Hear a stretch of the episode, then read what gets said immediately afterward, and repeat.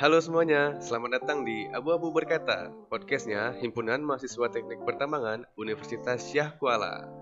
Halo teman-teman, kembali lagi nih di Abu-Abu Berkata, podcastnya Himpunan Mahasiswa Teknik Pertambangan Universitas Syah Kuala.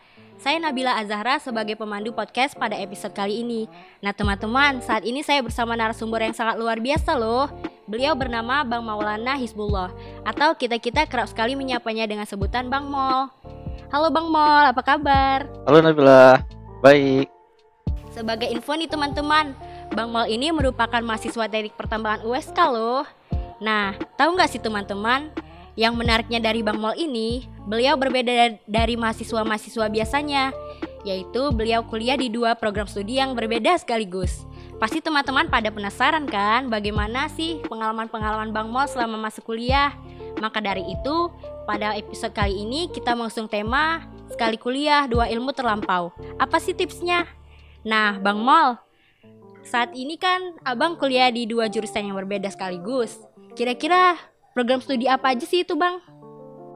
Untuk yang pertama, itu ada program studi teknik pertambangan di Universitas Kuala dan satunya lagi di informatika di Fakultas Matematika dan Ilmu Pengetahuan Alam di Universitas Kuala juga. Wah, keren sekali ya. Sebelumnya mau nanya nih Bang, kenapa sih Abang ambil dua jurusan sekaligus?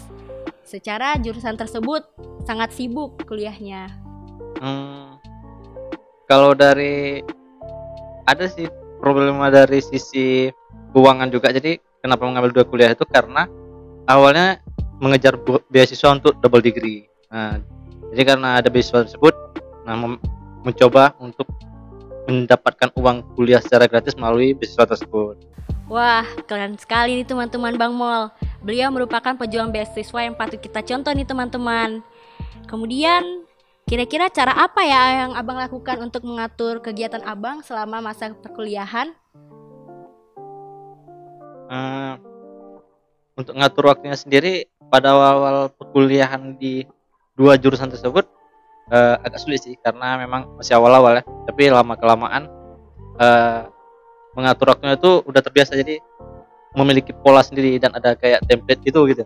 Jadi kalau mau kuliah kita set dulu hari ini ke mana aja tujuan yang ke mana aja. Nah nanti setelah udah, udah mau tahu hari ini mata kuliah apa aja langsung langsung kita ke sana ke sini kan gitu kurang lebih. Waduh pasti sibuk sekali ya bang Kira-kira abang tuh pernah nggak sih bentrok jadwal selama masa perkuliahan? Kalau bentrok jadwal sih sering ya. Apalagi kalau ngambil mata kuliahnya itu di zaman sama, bahkan satu hari itu ada sampai tujuh mata kuliah. Nah, gimana tuh tujuh mata kuliah satu hari itu? Pasti pagi itu ada dua yang bentrok, siang dua yang bentrok dan sore baru kuliah seperti biasa di satu mata kuliah. Nah, jadi caranya itu ya pandai-pandai aja sih kalau di teknik dibilang kuliah tuh nggak usah pandai tapi pandai-pandai. Gitu. Memang hebat sekali bang Molnia. Beliau bisa mengatur waktu yang di mana nggak semua orang bisa melakukannya. Kemudian di program studi kedua abang yaitu informatika kita kita nggak tahu nih apa aja yang abang pelajari di sana secara umumnya. Kira-kira apa aja tuh bang? Uh, oke okay. secara umumnya nah kalau di informatika itu kan kita belajar tentang uh, segala bentuk perangkat lunak ya. Nah, jadi kalau memang yang hardware itu mungkin sedikit itu studi yang lain. Nah, jadi untuk di program studi informatika itu ada empat konsentrasi sih yang dipelajarin.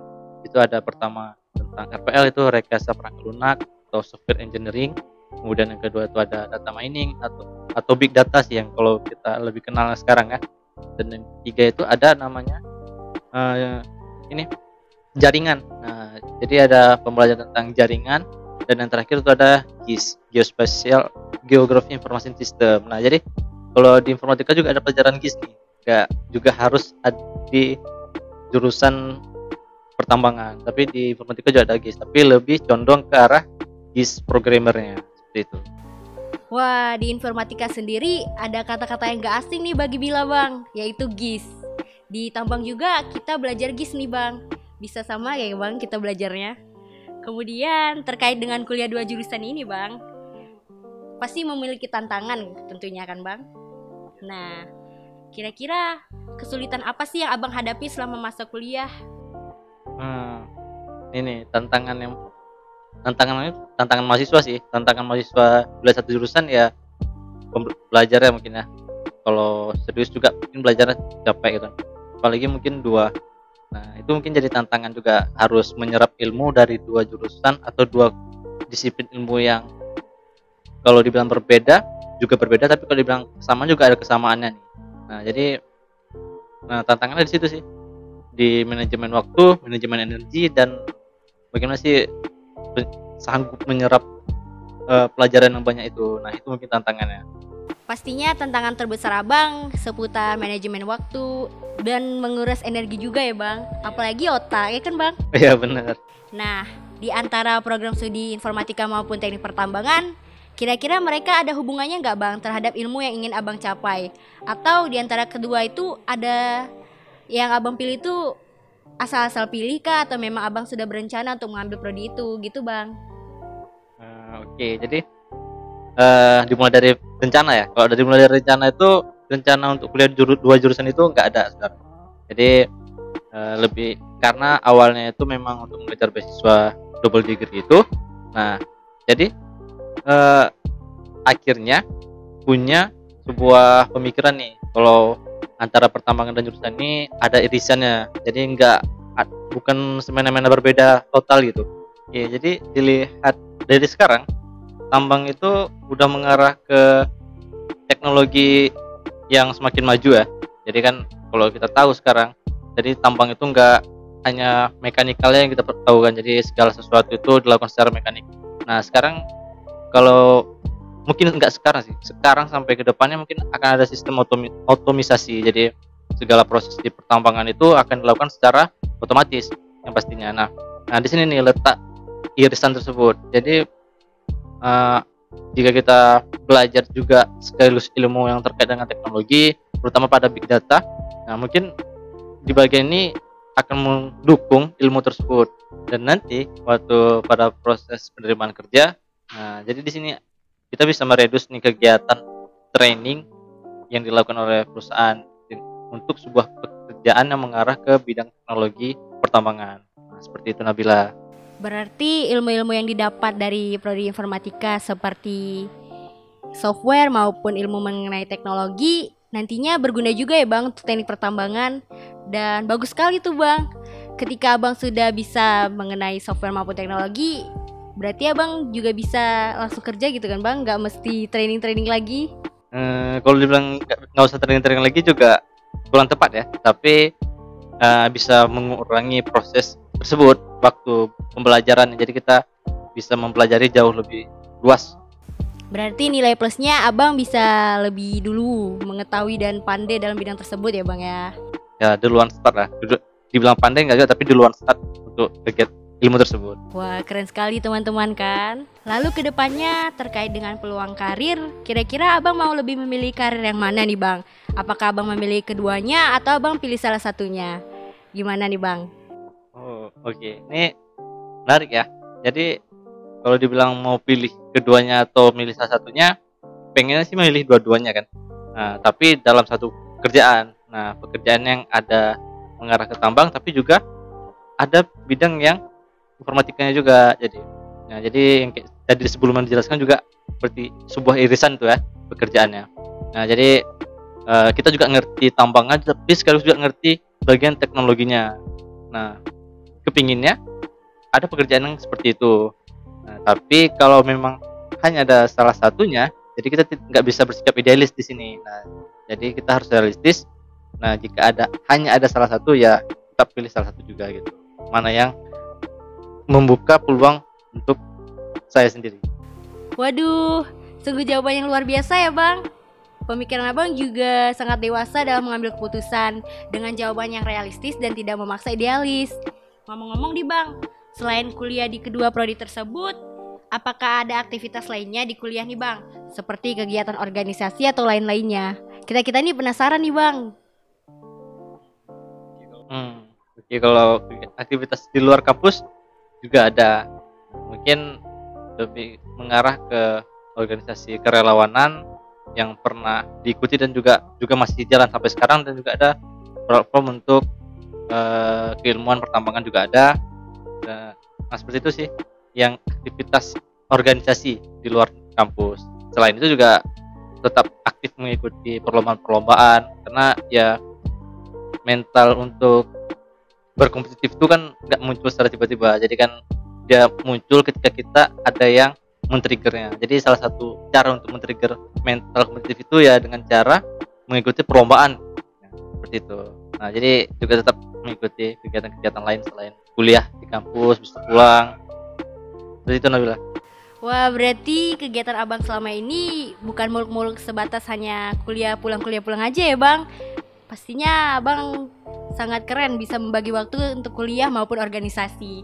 Mungkin sobat abu-abu berkata yang ingin masuk teknik pertambangan maupun informatika penasaran nih Bang, kira-kira apa aja sih yang harus mereka siapkan untuk masuk ke kedua prodi tersebut? Uh, ini nih yang mungkin salah kaprah di awal, kenapa persiapan yang harus dipersiapkan oleh calon mahasiswa itu belajar kan nah, mungkin ini harus diperbaiki sedikit mungkin di awal itu yang harus kita persiapkan itu adalah tujuan. Tujuan kita mau ke mana? Nah baru setelah kita tentukan tujuan kita mau ke mana nah baru kita persiapkan diri untuk belajar. Nah seperti itu. Karena kan posisinya ini belajar nih. Kita belajar di segala bentuk ilmu untuk agar lolos di universitas yang kita inginkan. Nah, jadi kan itu kan sama ya sih.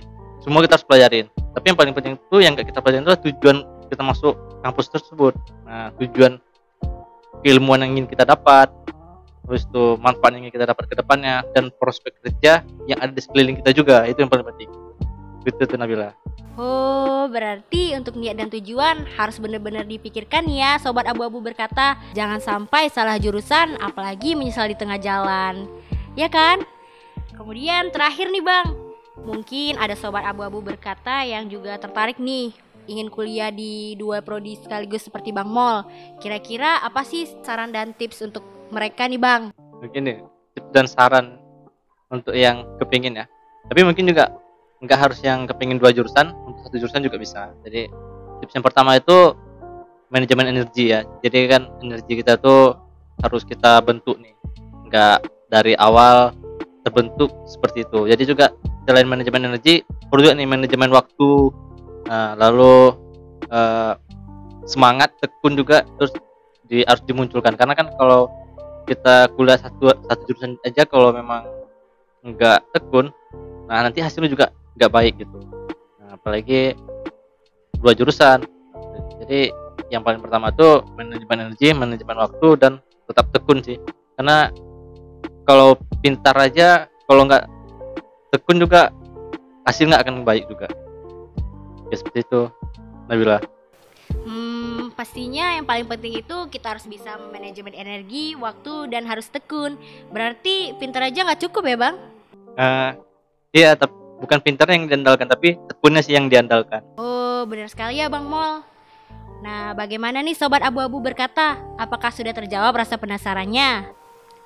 Mungkin cukup sekian. Terima kasih nih untuk Bang Mol yang sudah berbagi di episode kali ini dan sudah sangat menginspirasi kita semua. Maaf banget nih Bang sudah mengganggu waktu kesibukannya. Iya, nggak apa-apa Nabila. Ya, alhamdulillah ya Bang ya. Sukses selalu ya Bang. Semoga kami bisa cepat-cepat nyusul kayak Abang. Amin. Amin. Nah, Teman-teman, kita sudah di penghujung episode nih. Semoga podcast kali ini bisa menginspirasi kita semua ya. Sampai jumpa di podcast selanjutnya. See you.